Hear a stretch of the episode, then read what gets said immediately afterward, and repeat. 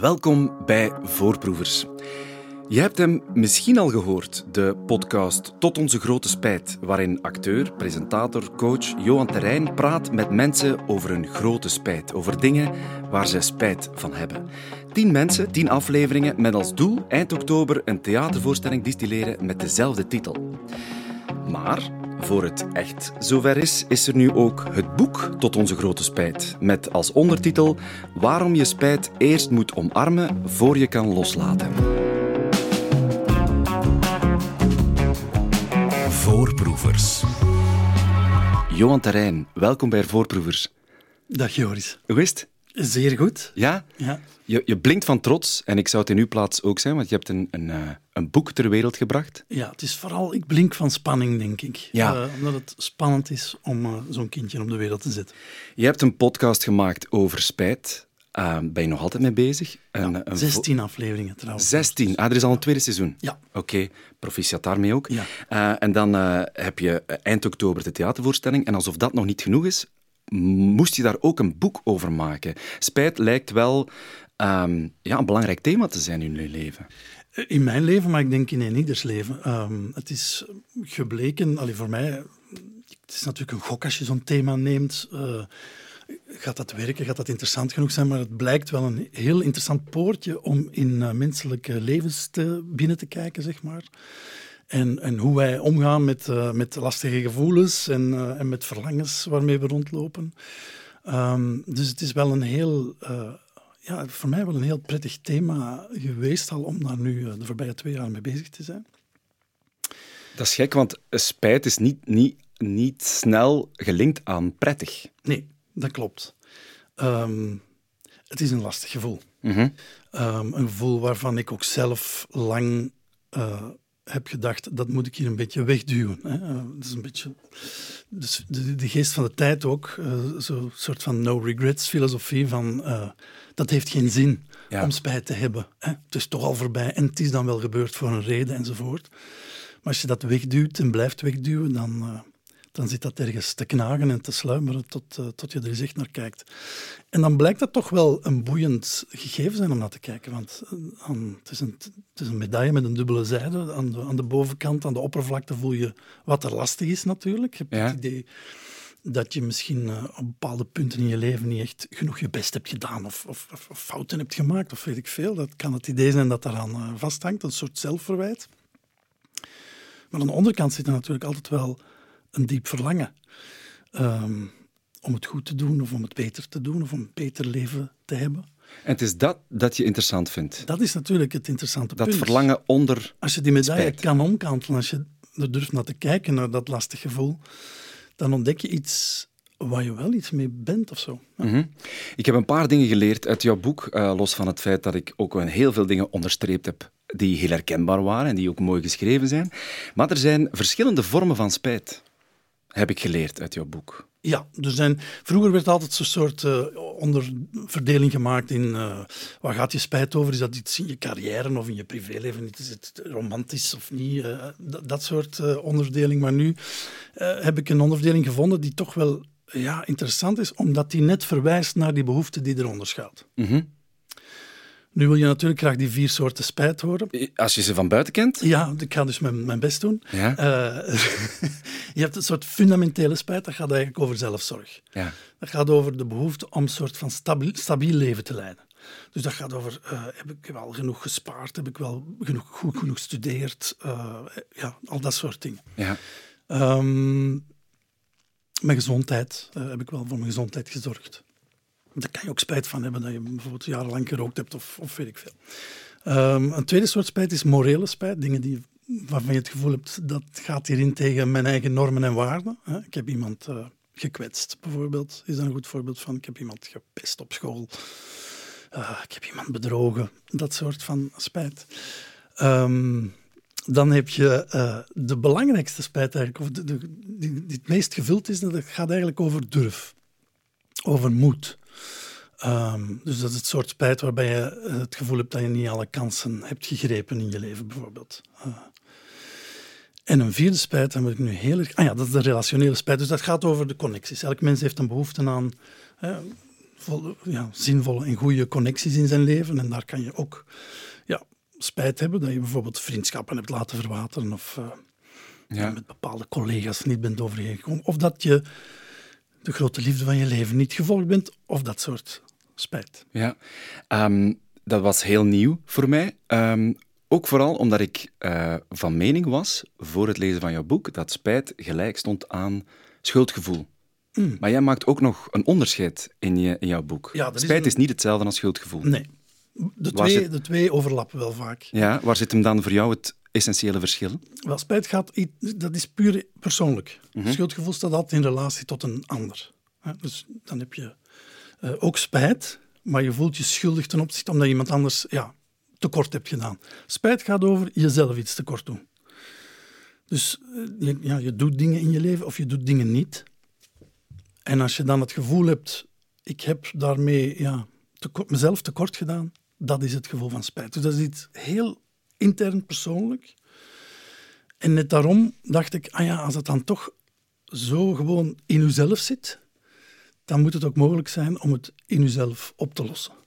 Als je schuld hebt, dan kun je dat alleen maar oplossen door een soort van vergiffenis of zo van iemand te krijgen. Dus dat is altijd in relatie tot een ander. Ja. Als ik aan spijt denk, Johan, uh, vanuit mijn persoonlijk leven, ik heb al heel veel... Spijt is ook een belangrijk thema in, in mijn leven. Um, maar je zei daarnet, voor mij was het eigenlijk een, een prettige zoektocht. Uh, hoewel ik dat niet altijd zie of lees in jouw boek. Uh, je, je, hebt ook wel moeilijke hordes genomen in, uh, in jouw boek, maar straks gaan we daar misschien wat meer over vertellen. Maar voor jou is spijt niet noodzakelijk iets slechts. Het is het begin van iets. Het is het, ja, zoals ik het zeg, het is het signaal van een onvervuld verlangen. Ja. Dus als je een beetje lief bent met jezelf, dan, ehm, ja, dan is dat belangrijk natuurlijk wat een verlangen is. En soms zit dat dus verpakt in een lastig gevoel en dan moet je daar even door. Het is een, uh, ik, ik, zeg het ook zo in het boek, het, is een, het, is, het lijkt allemaal zo negatief, maar het is een fotografisch negatief. Hè. Je moet even de donkere kamer in en dan kan het zich ontwikkelen tot iets positiefs. Life's like photography. You have to use the negatives to, to develop. develop. Ja. ja. Die heb ik opgeschreven, ah, ja, die quote. Um, eventjes terug naar het boek, want je vond het belangrijk, belangrijk genoeg, los van de voorstelling en de podcast, om dat boek te maken. Ja. Waarom? Goh, ik gebruik eigenlijk die drie fora. Dus je, je hebt uh, de, de, podcast is eigenlijk altijd het initiële fora. Dus ook het, uh, ja, de research eigenlijk. Mm -hmm. uh, en dan heb je ja, die twee dingen die er dan uit voortkomen, de theatervoorstelling en het boek. Theatervoorstelling, ja, je kent het zelf goed genoeg. Je bent samen met mensen, dat heeft iets ritueels. Daar kan je iets ja, laten tot stand komen hè, in mm -hmm. groep. Mm -hmm. um, dus dat gebruik ik uiteraard vooral in mijn voorstelling. Dat kan ik natuurlijk minder goed in een boek, maar in een boek heb ik meer tijd, meer ruimte om wat uh, meer te analyseren, om wat meer dingen uit te werken. Dus eigenlijk vertel ik zo op drie manieren met, met dezelfde stof, uh, ja, op een andere manier. In een theatervoorstelling ga je niet zo analytisch, dan ga je meer op een gevoel drijven. Um, maar het boek, ja, daar probeert toch een beetje orde te scheppen of zo. Een, een, een, een, soort structuur aan te brengen waar je ook weer mee verder kan. Over die structuur gesproken, Johan, je hebt eigenlijk de structuur genomen, of de mal zal ik het maar eventjes noemen, uh, van een specifieke reis die je zelf hebt gemaakt. En daar ga je dan de verschillende um, casussen, de, de verschillende mensen die vertellen over hun spijt, aan ophangen. Ja. Ja, en die reis noem je zelf een spijtreis. Ja, het is niet de, de, de, de, enige um, woordspeling op, uh, op spijt, uh, maar je hebt een spijtreis ondernomen. Ja, ik ben op een bepaalde ochtend, vroeg in de ochtend, twee uur s'nachts, uh, wakker geworden. En ik, ik, ik heb mijn tijd in mijn bed zitten afvragen, waar ben ik nu van wakker geworden? En kwam toen tot de conclusie, dit is hem dit is die uh, onbekende vriend spijt die ik jaren uh, zeg maar in een verdiep kistje in mijn uh, systeem heb gestoken. Um, en ik ben toen in een reflex mezelf beginnen opnemen op mijn telefoon. Is natuurlijk al een beetje een rare beweging om te doen, maar ja. ik dacht, ik ga dit documenteren of zoiets. Omdat je voelde van, dit, dit is iets wat, wat, ja, wat toch een lang leven in mijn leven en ik, goed, ik ben gewend om, om dat soort uh, thema's in te duiken, dus laat me dat dit keer ook maar doen. Um, dus ik heb me opgenomen en een van de eerste dingen, dingen die ik tegen mezelf eigenlijk zei, was, uh, ik denk dat je naar Portugal moet. Ik luisterde dat de volgende dag opnieuw. Ik was benieuwd van wat was die nachtelijke uh, ja, halfdroom eigenlijk. en toen hoorde ik dat en dan heb ik eigenlijk onmiddellijk het vliegtuig geboekt. Ah, ja. En, en ben ik vijf dagen later vertrokken. Ehm, voor twee weken. En dat was eigenlijk ook de eerste keer in mijn leven dat ik voor twee weken alleen was. Of alleen op reis was, toch zeker. En ik had het voornemen, wanneer ik mijn nieuwe gezelschap spijt ontmoet uh, of voel, dan ga ik uh, in mijn telefoon beginnen spreken. Zo documenteer ik eigenlijk uh, mijn zoektocht naar. Want dat moet ik er even bij vertellen. Ik, ik wist wel dat het spijt was, maar ik wist niet goed waarover die ging. Ja, want, want je zegt het ook, denk ik, aan het begin van het boek. het is iets wat ik voel, maar ik kan het ook nog niet goed onder woorden brengen. Dus dit, dit boek is eigenlijk een, een poging, of die reis is een poging om dat gevoel toch iets meer onder woorden te brengen. Ja. Je maakt ook het verschil tussen gevoel en emotie. Ja. Want voor spijt is er geen emoji, bijvoorbeeld. nee, klopt. Ja. En dan denk je van, ah, dat is eigenlijk wel waar. Je kunt eigenlijk geen, geen gelaatsuitdrukking bij spijt... Je, ziet niet aan iemand of die spijt heeft of niet. Dat kan je niet nee. zien. Nee. Dus een emotie is iets wat onmiddellijk naar buiten komt, omdat iets geraakt wordt van binnen. Ja. Dus dat kan enthousiasme zijn, of, uh, of kwaadheid of verdriet. we kennen de basisemoties wel. Ja. Um, gevoelens zijn altijd verbonden aan ook uh, uw gedachten, aan uw... Uh, ja, aan, u, aan, aan iets rationeels. Ja. dus dan hebben we het over teleurstelling, wrok, uh, zit nu in de negatieve gevoelens, uh, en spijt. Ja. Maar net zo goed liefde. Hè. Liefde is ook een, een, een gevoel dat rationeel uh, gekoppeld is. Ja, maar je hebt dus, je zit op, op dat moment, je bestelt dat ticket naar, uh, naar Portugal. Je weet van oké, als ik spijt tegenkom, dan ga ik er niet van wegkijken. Wat je eigenlijk in het verleden vaak deed. Wat mensen universeel vaak doen. Ja. Het uh, wegduwen. Want uh, dat was jouw voornemen om dan te zeggen van oké, ik ga het recht in de ogen ja, kijken. ik kijk het recht in de ogen en ik geef me daar twee weken voor en als ik terugkom wil ik het snappen. Ja, maar hoe doe, de, hoe, hoe, maar ik ben dat? met heel wat anders natuurlijk. Ja. Um, hoe doe je dat? Dat is uh, isoleren, hè? Ja, jezelf isoleren. Dat helpt. Daarom ga ik naar een prettig land, een, een land waar ik graag ben, uh, waar ik me thuis voel ook en waar, uh, waar ik die mogelijkheid ook voor mezelf gecreëerd heb. Um, door, door, ja, maar ik heb daar natuurlijk ook gewoon uh, veel uh, gelezen bijvoorbeeld. En, en, maar wel in die eenzaamheid blijven. Om, om eigenlijk een soort monoloog, monoloog interieur op gang te brengen. Die, uh, die jou daarin verder helpt. Ja. Maar het is voor jou wel heel essentieel om je eigen verhaal, je eigen zoektocht als hefboom te gebruiken. Om die, die andere universele verhalen te vertellen. Ja, ik, waarom is dat? Omdat dat het meest. Uh, dat is, ik, ik, doe een verhalend onderzoek. Hè, dus uh, ik ben geen wetenschappelijk onderzoeker, maar, nee. ik, maar, ik, werk wel met verhalen van mensen en ook met mijn eigen verhaal, omdat ik dat ja, de meest. Ja, daar heb ik het meest uh, voeling mee, het meest. het, is een, het is een logisch vertrekpunt eigenlijk voor mij dat heeft al te maken in een soort. Uh, wanneer ik mijn, uh, mijn gesprekspartners in de podcast opzoek, dan ben ik vooral heel dankbaar dat ze zoiets kwetsbaar met mij willen delen. En het is eigenlijk ook vanuit die dankbaarheid dat ik mijn verhaal inbreng. Ja. Zo, ja. ja. En leer je jezelf ook beter kennen aan de hand van verhalen of levens van andere mensen? Ja.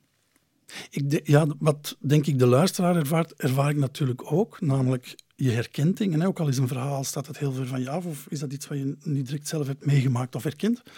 Toch herken je altijd deeltjes van je eigen gevoelsleven in een andermans verhaal. Dat is net de rijkdom, vind ik, van dat soort van verhalen te delen. En vroeger deed men dat veel meer, denk ik, als je denkt aan de tijd van de, de mythen en sagen en de sprookjes. Levenswijsheid doorgeven via verhalen. Dat is eigenlijk wat die podcast ook probeert te doen en, en mijn voorstelling in mijn boek ook.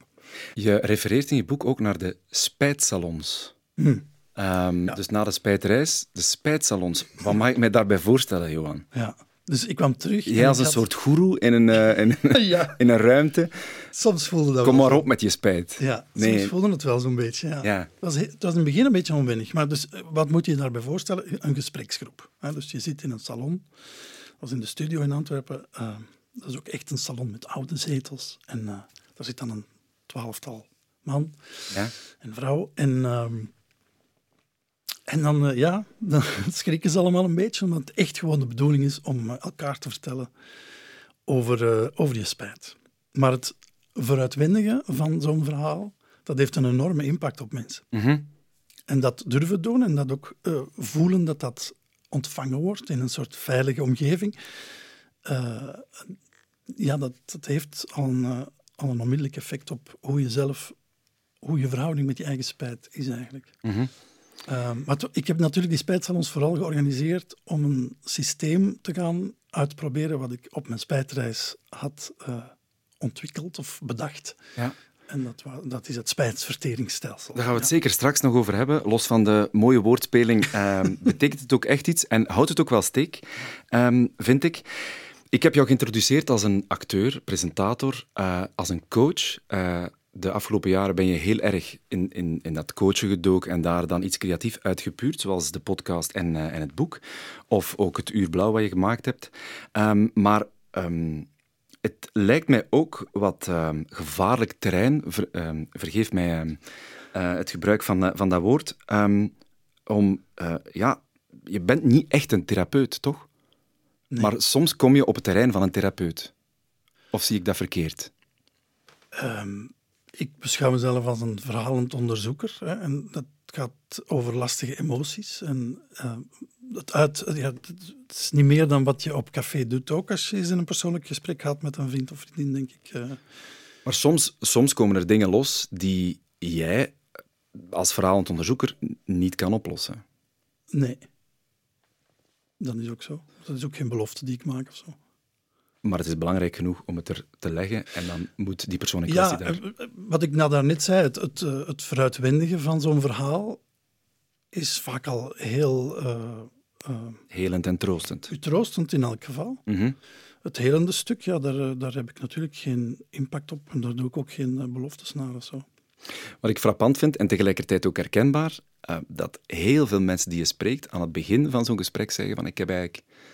Ik, heb, ik ken eigenlijk niet zoveel spijt ik heb eigenlijk geen spijt. Zoals je zelf eigenlijk begint van, als ik mij vroeger moest uh, omschrijven, was ik iemand die geen spijt had van niets. Ja. En gaandeweg, doorheen dat gesprek, merk je, hè, zoals bijvoorbeeld Loes, uh, ja. um, een, een, denk een Nederlandse vrouw, ja. uh, op bezoek in Antwerpen op een van de spijtsalons. En ja. zij begon met te zeggen, ik heb eigenlijk Die kwam echt binnen met, pff, nee, dat, dat hoort iets bij mij. En die kwam tot een hele verrassende ontdekking eigenlijk in het spijtsalon van, oh ja, er, zit, er is wel iets. Uh, iets wat ze een beetje verdrongen had. Uh, en dat was een huwelijksaanzoek dat ze ooit van haar vriend had gekregen, dat ze weggelachen had eigenlijk. Omdat ze vond dat uh, met, met haar lijf niet mooi zou staan in een, in een bruidsjurk. En plots besefte ze, oei, wat heb ik daar gedaan? Ik heb eigenlijk het, het, het, het uiterlijk vertoon belangrijker gemaakt dan het vieren van de liefde. Uh, nu, dat zijn twee waarden die heel belangrijk zijn voor haar. Ook het uiterlijk vertoon, de schoonheid van dingen is voor haar ook heel belangrijk. Maar anderzijds, ja, dat vieren van de liefde had ze gevoeld van, ja, dat was dan toch nog wel een, een tikkeltje belangrijker. Ja. Dus ze, ze werd daar inderdaad uh, mee geconfronteerd. Ze was daar ook heel blij mee dat ze dat ontdekt had. Um, omdat ze er nu iets mee kon doen. Ja. ja. En ze heeft er ondertussen iets mee gedaan.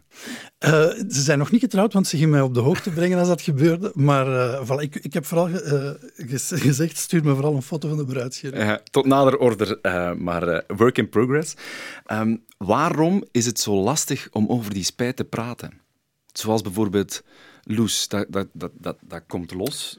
Eerst en vooral omdat het verborgen zit. Hè? Ja.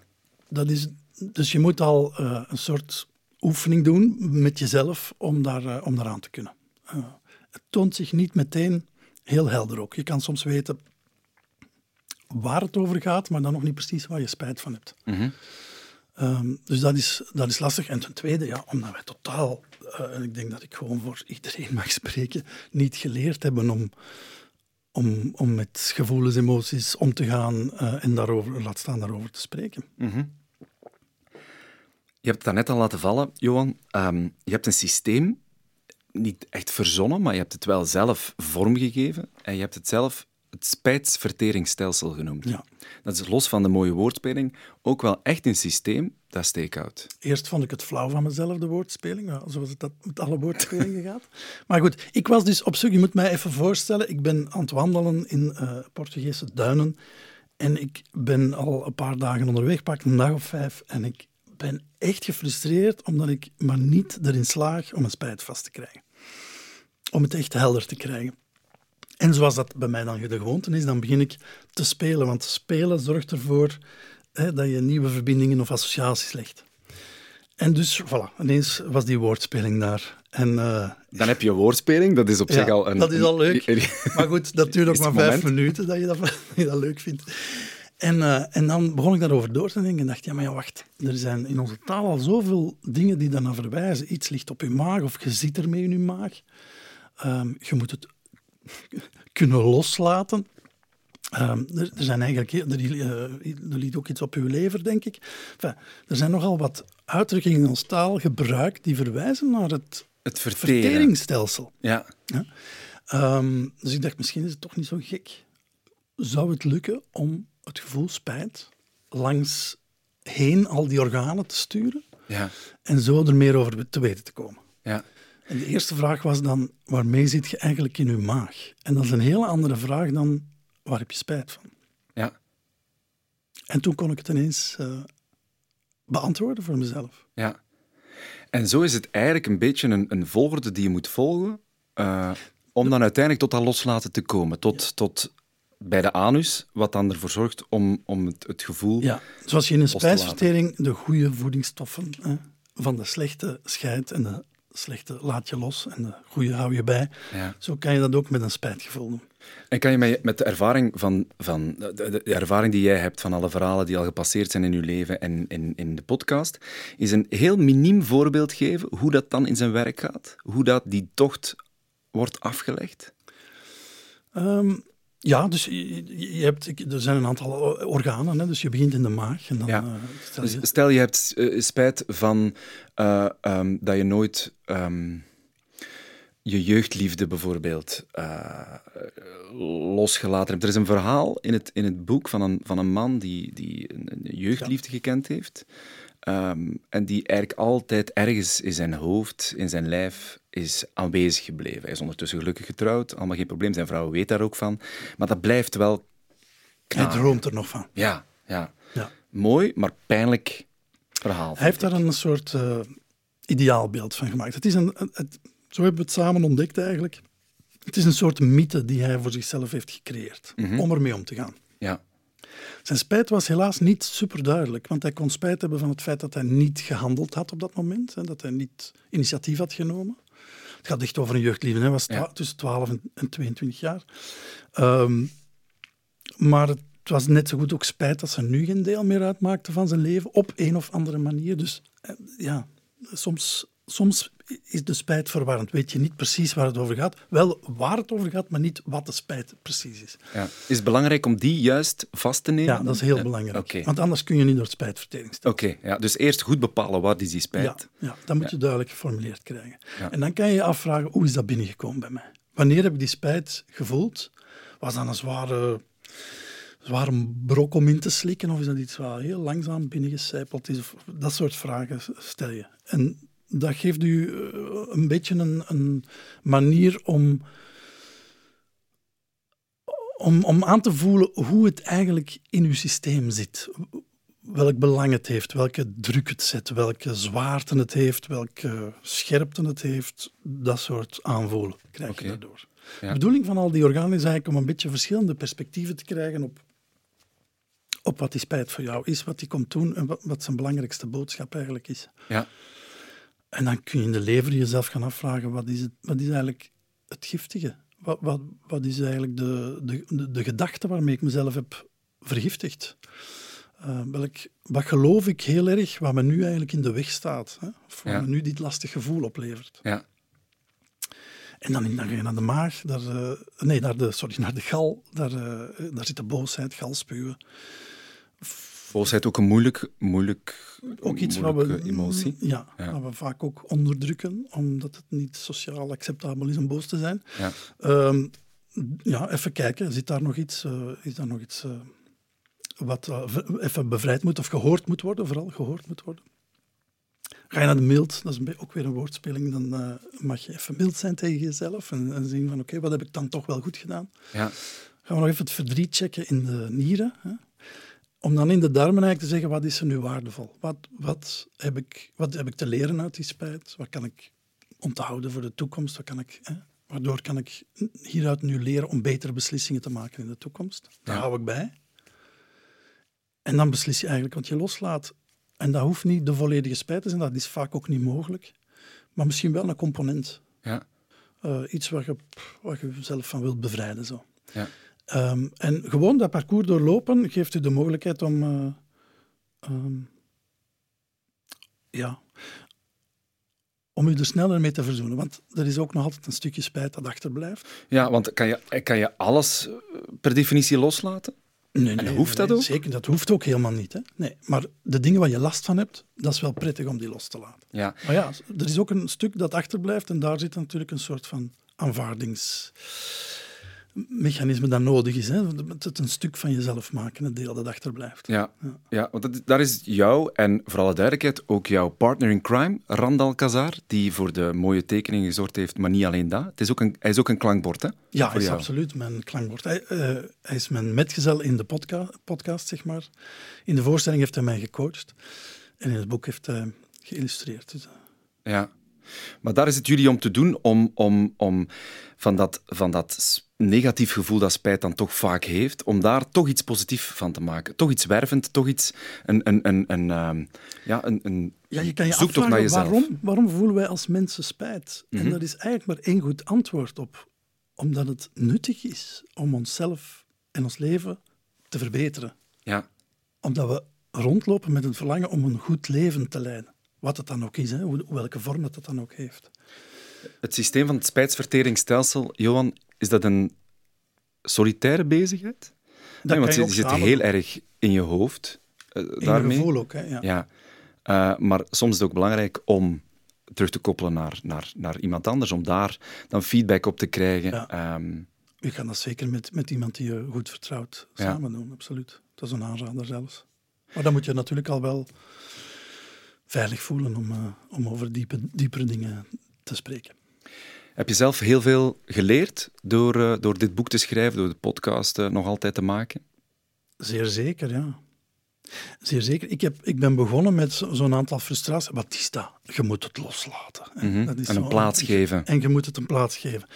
Uh, ik heb er allemaal wel antwoorden op gevonden of zo. Ook waarom we dat zo precies noemen. Ja. Um, en dat leer ik van, ja, van Nele bijvoorbeeld, heb ik geleerd uh, wat het is om iets een plaats te geven. En dat gaat dan letterlijk over, bij haar toch, over een plaats in haar lijf, ja. waar ze de spijt, spijt voelt zitten. En waar ze, ja, die moet ook accepteren, ze, ze kan er niet van afgeraken. En, uh, en waar ze leert om dat uh, te integreren, gewoon, om ervoor te zorgen dat dat geen lastig, scherp gevoel meer is, maar iets wat ze kent en wat een stuk van haar is. Wat was het verhaal van Nele?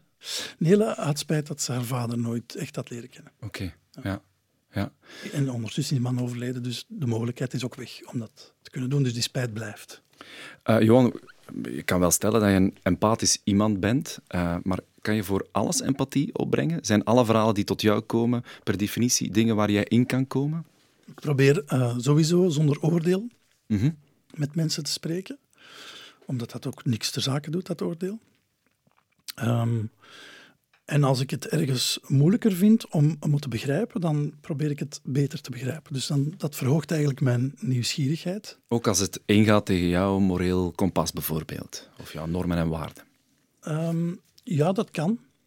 Maar dat heb ik nu eigenlijk nog niet tegengekomen. Ja, natuurlijk, ik heb iemand in de gevangenis uh, geïnterviewd en die heeft uiteraard strafbare uh, feiten gepleegd die tegen mijn normen en waarden ingaan. Maar dat weerhoudt mij niet om te willen begrijpen hoe hij daar spijt van heeft natuurlijk. Mhm. Dus ja, ik... Uh, en ik zal het ook altijd benoemen als ik het ergens uh, lastiger mee voel. Bijvoorbeeld, uh, Leen had spijt van het ouderschap, van dat aan te gaan. Mhm. Niet van het kind op zich, want dat ziet ze doodgraag, maar wel... Ze zat met een spijt van, was ik niet beter alleen gebleven? Mhm. Ja, dat, dat, is iets waar ik van nature moeilijker begrijp. Dat is, een groot, dat is nog altijd een groot uh, taboe. is een groot taboe. heel veel mensen dat herkennen. Ja, en, en dus wil ik dat echt zonder enig oordeel uh, daarover tot in de diepte snappen, zodat ik, als ik wegga zeker ben dat we haar begrepen hebben of zo. Ja. Uh, heel mooi, Johan. Ik heb heel erg genoten van uw boek. Heb je zin in meer afleveringen van Voorproevers? Dat is dus allemaal helemaal oké. Alles is geweldig gemakkelijk te vinden op VRT Max. Allen daarheen zou ik zeggen.